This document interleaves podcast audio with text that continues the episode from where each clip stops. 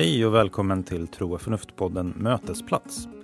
Här presenterar vi inspelade föredrag från en föreläsningsserie i Uppsala som heter Mötesplats för teologi, filosofi och samhälle. Som arrangeras av Newman-institutet, Teologiska fakulteten vid Uppsala universitet och Folkuniversitetet. På www.facebook.com motesplatser finns information om framtida föreläsningar i denna serie. Och Tro och förnuft-podden hittar du på Facebook på www www.facebook.com tro och förnuft. Tro och förnuft-podden produceras av tidningen Sändaren i samarbete med Newman-institutet och Teologiska fakulteten vid Uppsala universitet. Och vi som gör podden är jag, Kristoffer Skogholt, samt Peter Berntsson och Erik Åkerlund. Välkommen att lyssna.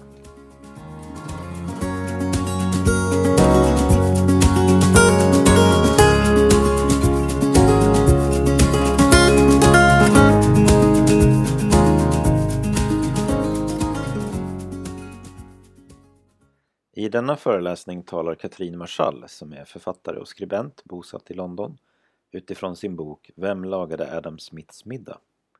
Boken har blivit översatt till över 20 språk och nominerades till Augustpriset när den kom ut första gången 2012. I denna bok problematiserar Marshall tesen att det är egenintresset som får samhället att fungera.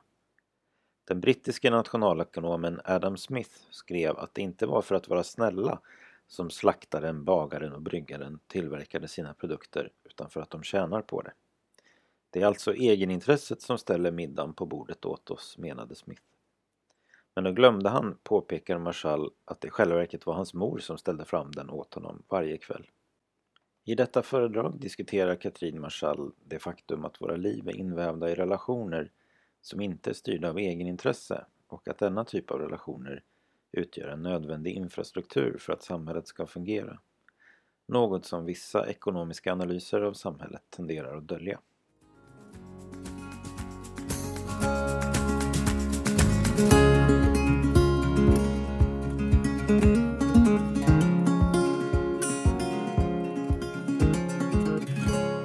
Katrin Marsall heter jag och jag är i vanliga fall bosatt i Storbritannien i England. Jag bor i en by mellan London och Cambridge, alltså nordöst om eh, London som heter Much Haddam och eh, grundades åtminstone eh, 1066 och är väldigt gammal och ser ut exakt som ni föreställer er.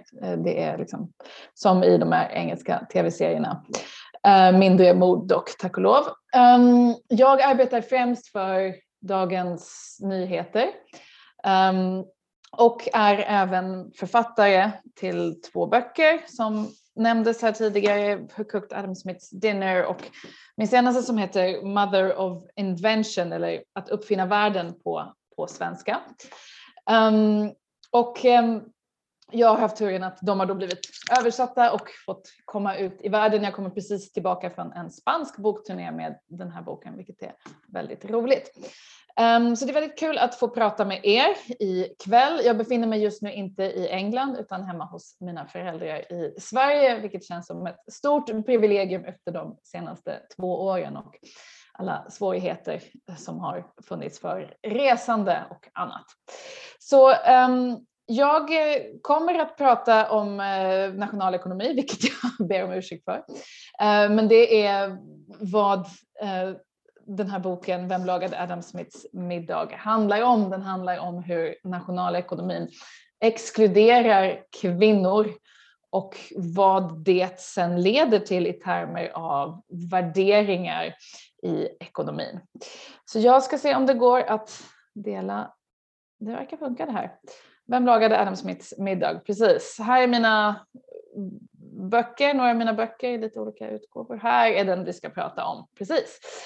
Um, men um, först ska vi kanske ta ett litet större grepp på var vi befinner oss om vi ska nu prata ekonomi. Vi ska prata om den ekonomiska kris som vi fortfarande befinner oss i som är någon sorts pandemikris 2020 och väldigt mycket som pågår i världsekonomin.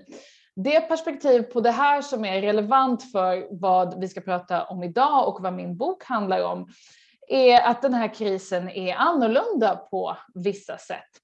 Ehm, finanskriser eller ekonomiska kriser brukar börja uppe i de väldigt abstrakta delarna av ekonomin, uppe i så att säga finanssektorn.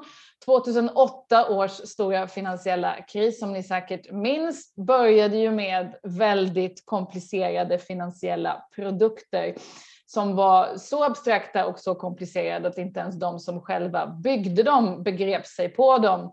Och dessa finansiella produkter kraschade världsekonomin. Så vi gick från något väldigt, väldigt abstrakt till någonting som så att säga rörde sig neråt i ekonomin och fick mer och mer konkreta konsekvenser när miljoner människor börjar förlora sina arbeten på grund av vad som har hänt med uppe i bankekonomin och vad det sen leder till för deras familjer, ehm, deras vardag och slutligen faktiskt till för den mänskliga kroppen. Eh, I bemärkelsen av människor som allt från eh, har svårt att sätta mat på bordet till allt vad arbetslöshet och fattigdom leder till, hälsoproblem och så vidare. Och det är ungefär så en ekonomisk kris brukar röra sig, från de väldigt, väldigt abstrakta delarna av ekonomin till att det då blir någonting som får väldigt konkreta konsekvenser för människokroppen eller människor, som då är det som ekonomin bygger på i andra änden.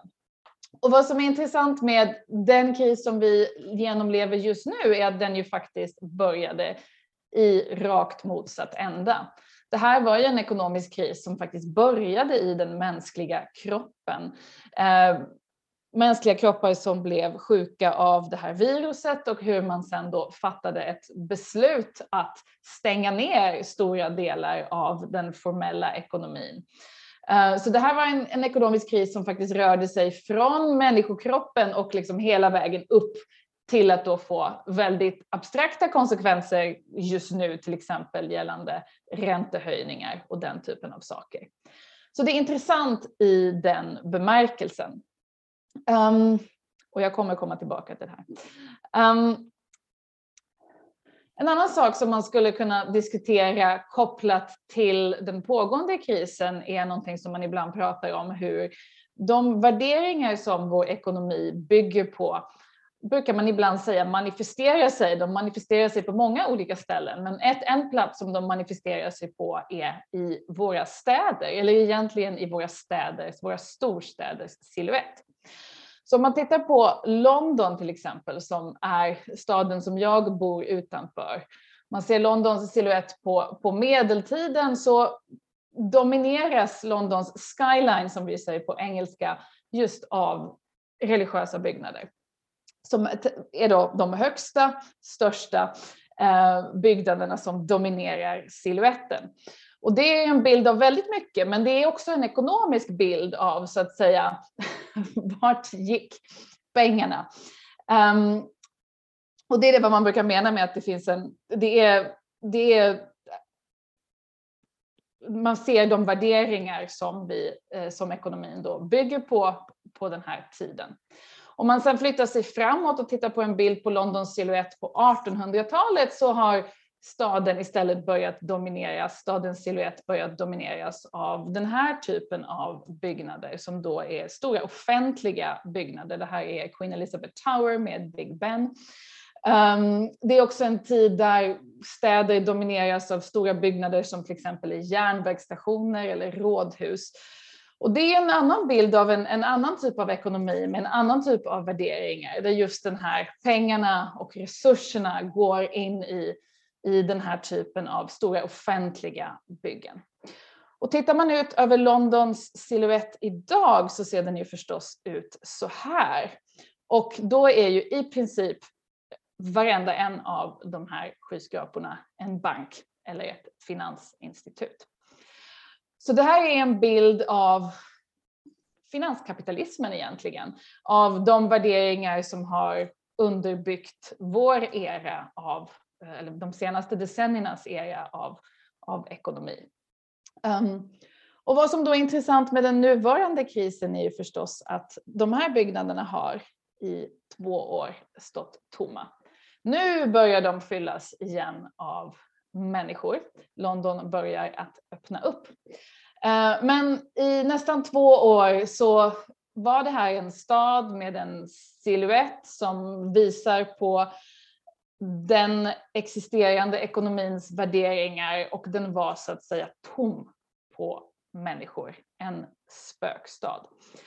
Och det för, har för mig varit mycket av en bild kring vad som händer nu med världsekonomin. Att vi befinner oss i någon form av skifte som inte bara handlar om sådant som inflation och räntor och hur vi tänker kring ekonomin, men också går djupare och där allt fler människor börjar ställa frågor kring värderingar och ekonomi Eh, och att man slutar se på ekonomi på det sättet som vi har tänkt kring det de senaste decennierna, just som en, någon form av neutral, nästan naturvetenskaplig disciplin, helt befriad på värderingar, där den här eh, typen av städer just dominerade av banker och finansinstitut som en bild av vad som, vad som dominerar ekonomin och på väldigt många sätt våra liv har sett som en,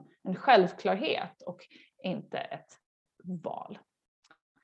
Så jag ville bara börja där och ge lite, lite kontext kring så att säga det ögonblick som jag tror att vi, vi befinner oss i just nu gällande de frågor som, som jag bevakar mycket och, och skriver om. Och den här boken, Vem lagade Adam Smiths middag som jag har skrivit, den handlar just om värderingar och ekonomi och om den här bilden vi har att ekonomi är någon slags eh, egenintressets vetenskap och varför den är problematisk.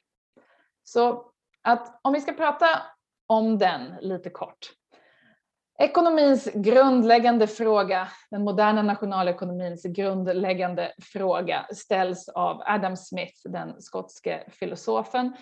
Uh, oops, nu hoppar min, där är han.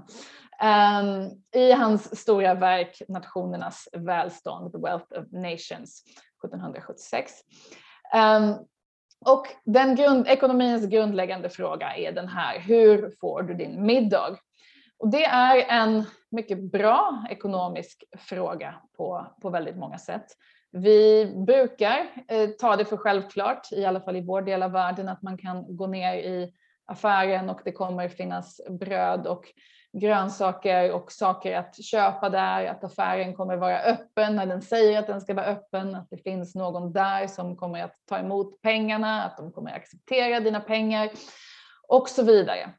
Men egentligen, bara för att en sån sak som att du går till affären och köper bröd ska kunna ske, krävs en mängd koordinerade ekonomiska processer. Någon måste skörda vetet, någon måste producera brödet, någon måste köra ut det i affären, någon måste jobba i affären och så vidare. Och allt det här var Adam Smith väldigt intresserad av. Han var intresserad av egentligen hur kan det komma sig att det här som är så väldigt komplext fungerar? Vad är det för kraft som håller ihop allt det här? Um, och han tittade ju förstås på, på, sin, sin, på Isaac Newton, Sir Isaac Newton som ett par år tidigare tycktes ha förklarat hela universum genom att då beräkna planeternas rörelser utifrån idén om gravitationen som en sammanhållande kraft. Och Adam Smith ville någonstans förklara ekonomin på samma sätt som Newton hade förklarat himlakropparnas rörelser. Han var ute efter att, så att säga, hitta någon kraft som kunde sägas vara ungefär som gravitationen fast för det sociala, för ekonomin. Um, det var vad han var ute efter. Och hans berömda svar på den här frågan, hur får du din middag, är det här. Um, som jag har här på engelska. It's not from the benevolence of the butcher, the brewer or the baker that we expect our dinner, but from their regard to their own self-interest. Alltså slaktaren, ölbryggaren och bagaren, de går inte till jobbet och tillverkar sina produkter eh, för att de tycker om det eller för att de tycker om sina kunder eller, eller någonting sådant, utan för att de då vill tjäna sitt egen intresse. Svaret på frågan hur får du din middag blir att det är egenintresset som ställer middagen på bordet åt oss. No, de flesta som har läst Adam Smith um, lite djupare än, än det här mest kända citatet eh, vet att han som tänkare var mycket mer komplex än så här. Um, och ehm, han skulle nog bli förfärad tror jag om han visste vad ekonomer som kom efter honom egentligen gjorde av det här, den här idén om egenintresset och middagen. Um, för från det här citatet så drog man slutsatser, eller ekonomer som kom efter Adam Smith drog slutsatser om att egenintresse var verkligen den enda nästan dominerande kraften i ekonomin. Det var det som kunde förklara allt vi människor gör. Um, och ekonom, nationalekonomi har till och med kallats för egenintressets vetenskap. När man i något slags dagligt tal pratar om att tänka som en ekonom är det ofta det man menar, att titta på en, en situation och analysera vad som händer och de val människor gör utifrån att de då styrs av egenintresse. Um, ehm, och från det här kommer också den här idén som Adam Smith tror jag bara nämner två, kanske tre gånger i Nationernas välstånd om den osynliga handeln. Um, idén att om alla människor bara följer sitt egenintresse så kommer det av marknadens osynliga, nästan till magiska hand växlas upp till vad som samtidigt blir bäst för hela ekonomin och hela samhället. Och det här är ju någon slags, någon slags idé om att om bara jag gör vad som är bäst för mig och du gör vad som är bäst för dig så är det det moraliskt rätta för det är det som kommer leda till ekonomisk tillväxt och ekonomisk tillväxt är så att säga det goda i det här fallet. Och det är en väldigt, väldigt viktig och stark idé, inte bara inom nationalekonomins standardteorier, men i samhället i stort och någonting som verkligen har definierat hur, hur vi tänker de, de senaste decennierna, inte minst. Och eh, det ekonomiska språket från en värld när den stora engelska ekonomen John Maynard Keynes som levde lite i en annan era, han dog 1946. Um, ehm, han brukade ju prata om att ekonomer skulle vara ungefär som tandläkare i samhället. Ehm, alltså en form av experter som man så att säga kallade på när det var problem eller ekonomisk kris och som hade kunskap att liksom så att säga skruva och fixa i, i ekonomin men som sen då liksom kunde, kunde avlägsna sig och inte på något sätt vara centrum för eh, samhället eller hur vi tänker om världen. Och så har ju inte ekonomi varit på väldigt länge. Ekonomer har inte varit som tandläkare utan snarare som någon form av politikens överste präster som, som sätter hela premisserna för vad man kan och inte kan göra med ett samhälle. Um, och det här brukar man prata om som, som ekonomisk imperialism, den här idén att eh, nationalekonomins teorier om egenintresse och utbud och efterfrågan som är ganska bra på att förklara något sånt som priset på tomater faktiskt också kan användas till att förklara nästan allt i hela världen. Vi har applicerat det här ekonomiska tänkandet på um, jag menar allt från skolmarknader till våra kärleksliv till hur vi tänker om oss själva som människor och pratar om oss själva som människor. Jag ska, jag ska investera i vår relation. Um, min marginalnytta här ser ut på det här sättet. Så det ekonomiska språket har verkligen kommit in på väldigt, väldigt många områden. Vi tittar på oss själva som, ja, som några som har olika former av tillgångar. Här är mitt humankapital, här är mitt sociala kapital. Hur kan jag så att säga sälja det på olika sätt om det så är på arbetsmarknaden eller socialt. Så att det är en, en väldigt, väldigt kraft i de här idéerna um, och har präglat oss väldigt, väldigt mycket. Men är då, och allt det här kommer ur, ur Adam Smiths svar på den här grundläggande frågan, hur får du din middag? Och antagandet att det då är egenintresset som ställde middagen på bordet åt oss. Men är detta då sant? För låt oss titta på Adam Smiths eget liv. Nationalekonomins fader, vem lagade egentligen hans middag? Ja, eh, Adam Smith levde stora, större delen av sitt liv tillsammans med sin mor som han älskade väldigt, väldigt mycket och de hade en väldigt, utifrån brev, väldigt nära och väldigt fin relation. Hon var väldigt viktig för honom. Han var väldigt viktig för henne. Hon hette Margaret Douglas. Hon ägnade en stor del av sitt liv åt att just ta hand om sin sons hushåll. Hon är kanske huvudförklaringen egentligen till hur Adam Smith fick sin middag.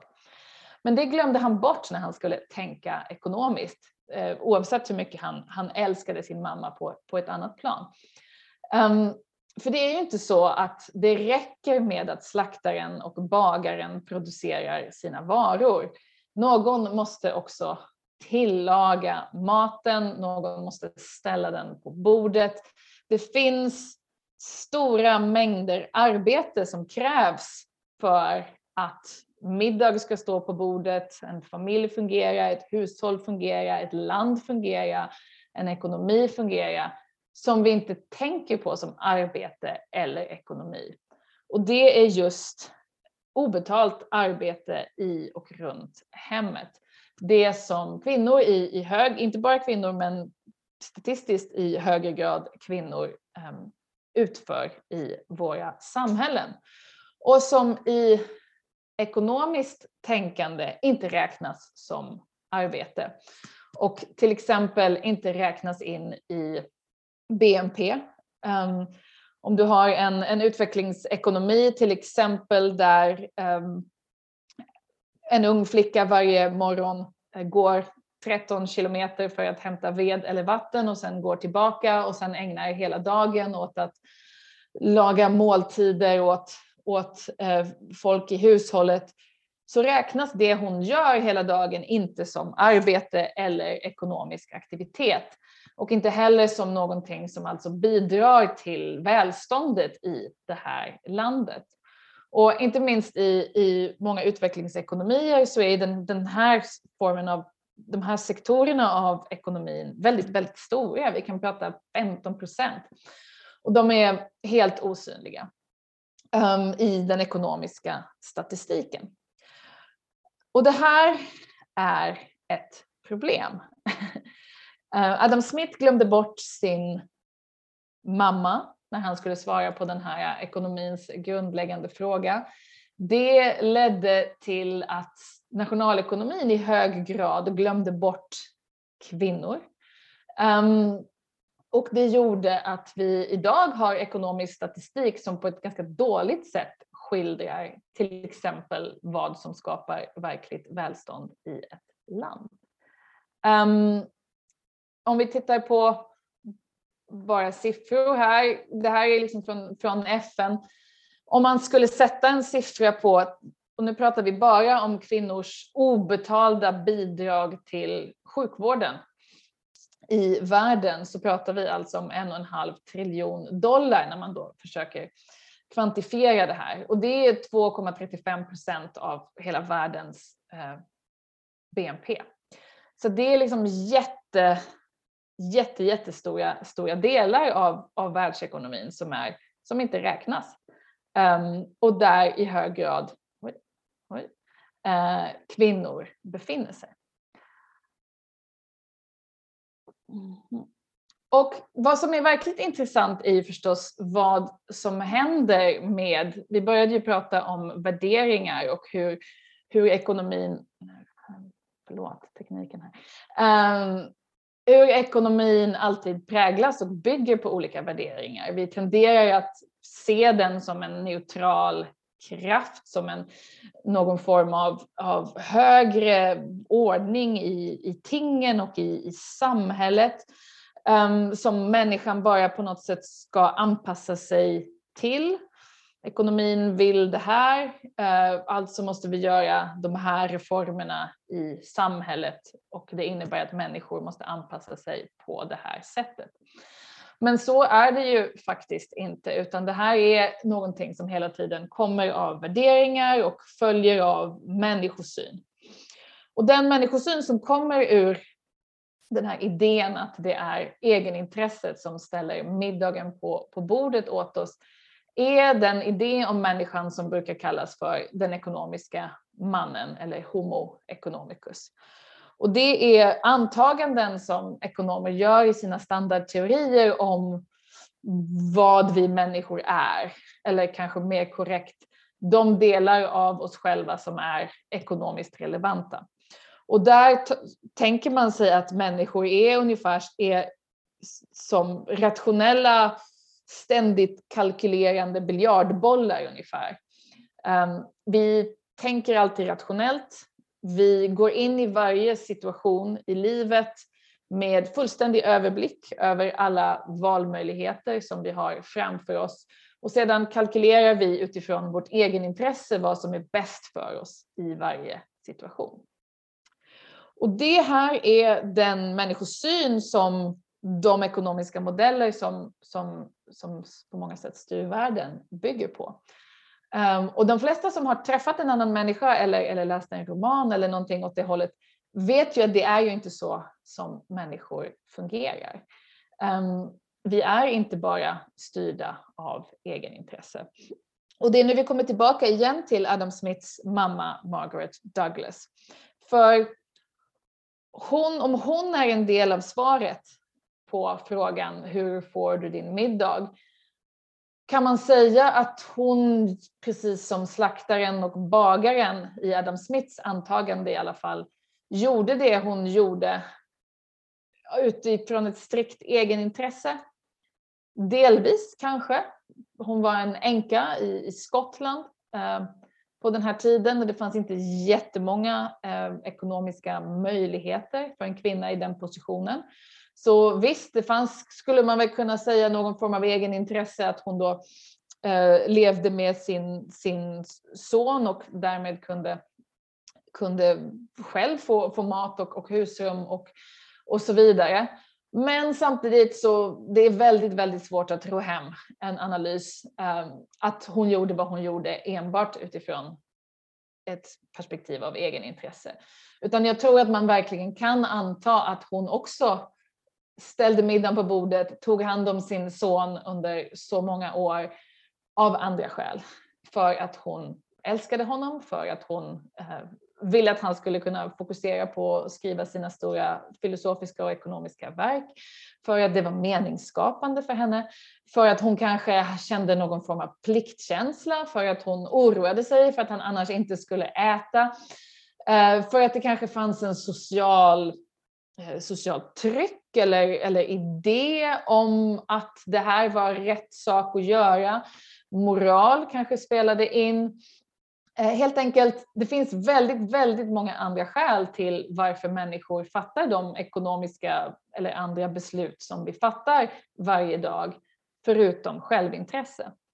Och problemet var att när Adam Smith svarade på den här frågan på fel sätt och framför allt när ekonomerna som kom efter honom gjorde en sån jättesak av den här idén om egenintresse som grundläggande kraft i ekonomin likt gravitationen i universum så exkluderade vi inte bara kvinnor och kvinnors arbete på ett sätt som är problematiskt, menar jag i boken, men vi exkluderade också alla de här andra drivkrafterna från att ens få försigkomma i ekonomin. Utan vi skapar den här bilden av människan som styrd av det här väldigt, väldigt strikta egenintresset som en individ utan kropp, utan familj, utan någon form av beroenden egentligen till andra människor. Uh, som någon som bara uppstår som en svamp ur jorden nästan och liksom kommer ut i världen och börjar fatta beslut och kalkylera sitt egen intresse. Och det här är en väldigt problematisk människosyn.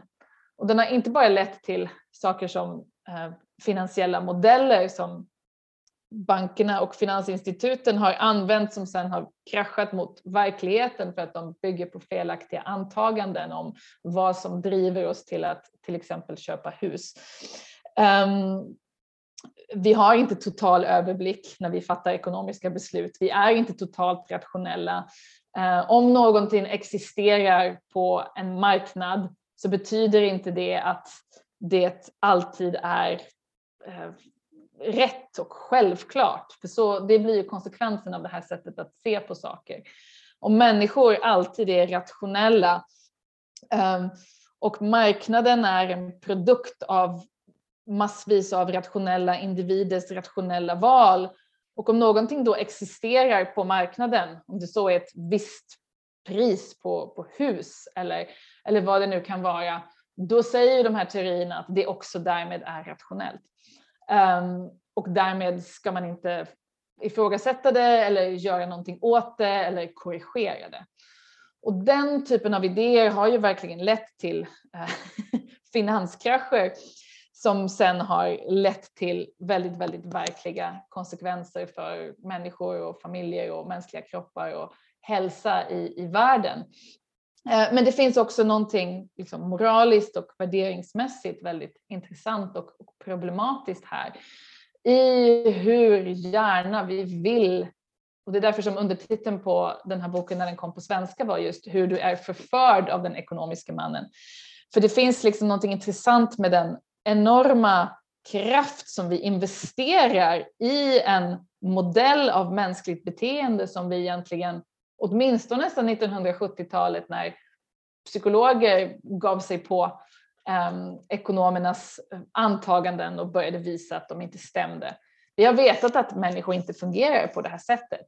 Men vi vill så himla gärna att människor ska fungera på det här sättet. Det är nästan, nästan som en, uh, det är fel ord att använda i, i, i det här uh, sammanhanget, men det är nästan som en, som en religion i, i, i, i samhället, skulle man kunna säga. Vi vill verkligen tro, um, tro på de här modellerna och tro på den här idén om egenintresse.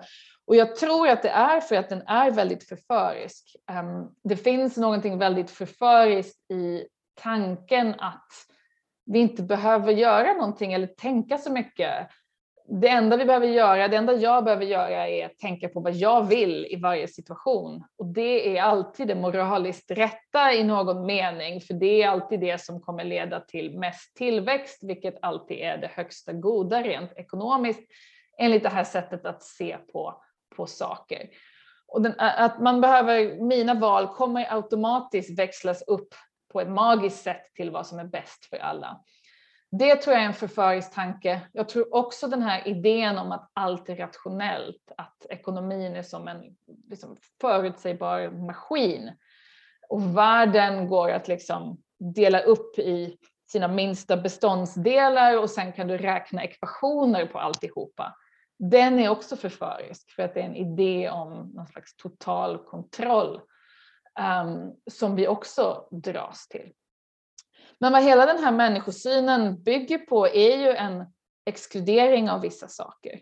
Och, och där slutar den här boken Vem lagade Adam Smiths middag? För vad jag också pratar om är att i princip alla antaganden som ekonomer gör om människan och vad hon eller han i det här fallet är, är saker och ting som vi har lärt oss att se som manliga, inom situationstecken kanske man ska säga rationalitet, eh, väldigt snävt egenintresse, ut i, i världen, ensam, ensam cowboy på äventyr. Så tänker ekonomer om människor. Um, och allt det som försvinner ur de här modellerna är saker och ting som vi tenderar att se som kvinnliga. beroenden av andra människor, relationer, kroppen, kroppens behov, att ekonomin i grund och botten bygger på mänskliga kroppar som behöver mat och sömn och husrum och en viss temperatur och en planet som inte eh, värms upp på ett livsfarligt sätt. Allt det försvinner och exkluderas och blir i bästa fall till externaliteter i modellerna. Och jag tror inte att det är någon slump att alla de här eh, ehm, egenskaperna som vi så väldigt, väldigt gärna vägrar se att, att människor överhuvudtaget besitter i inom nationalekonomin är egenskaper som vi har lärt oss att också tänka på som kvinnliga. Det är någon slags flykt från, från det kvinnliga med, med, eh, med väldiga, väldiga medel. Och det finns någon slags en rädsla där att, att erkänna den fulla vidden av vad det innebär att vara människa. Som ju inte på något sätt handlar om att bara vara rationell och fatta beslut utifrån egen intresse, utan vi är beroende av varandra. Vi existerar i kontexter och i relationer. Vi styrs av våra känslor. Ehm, allt det där, vi är, in, vi är svaga, vi behöver varandra. Allt det där är en väldigt, väldigt stor del av att vara människa och ekonomier borde på ett helt annat sätt byggas runt det. Och det är och de behov som vi, vi har, har gemensamt. Och det är omöjligt med det här sättet att se på människan och världen och ekonomin. Och det här är då en bok som, som jag skrev för över, över tio år sedan. Ehm, och jag tror att den var mycket mer kontroversiell när den kom ut än vad den är idag. Jag kommer ihåg 2015 höll jag en föreläsning på London School of Economics där folk blev väldigt arga och skrek på mig. Som jag minns i alla fall, man kan ju minnas fel. Eh, övertraumatisera sånt.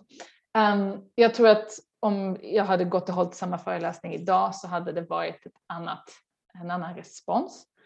Eh, och jag tror att mycket av det har att göra med frågor som till exempel klimatkrisen, men också det som har hänt under pandemin, att det var väldigt svårt under, under pandemin att säga att de sektorer av ekonomin som har att göra med obetalt arbete i, i hushållet och ta hand om barnen och så vidare, att det där inte spelade roll ekonomiskt. För att när man stängde ner det finns delar av ekonomin som du kan stänga ner, men de delarna av ekonomin kan du inte stänga ner, för de måste hela tiden fortsätta.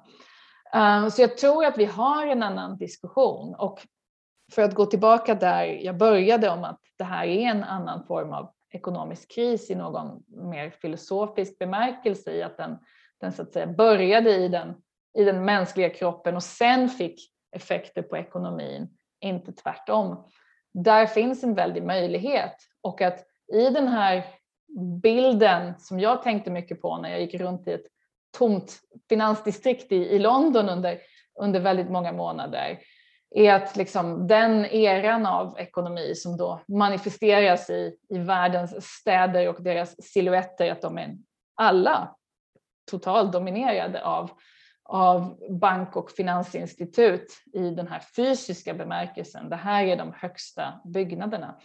Den är någonstans, tror jag, ändå kommen till sin ände och det är någonting nytt som ska, som ska fylla det här och, och frågan är, är bara vad. Så jag ska sluta där.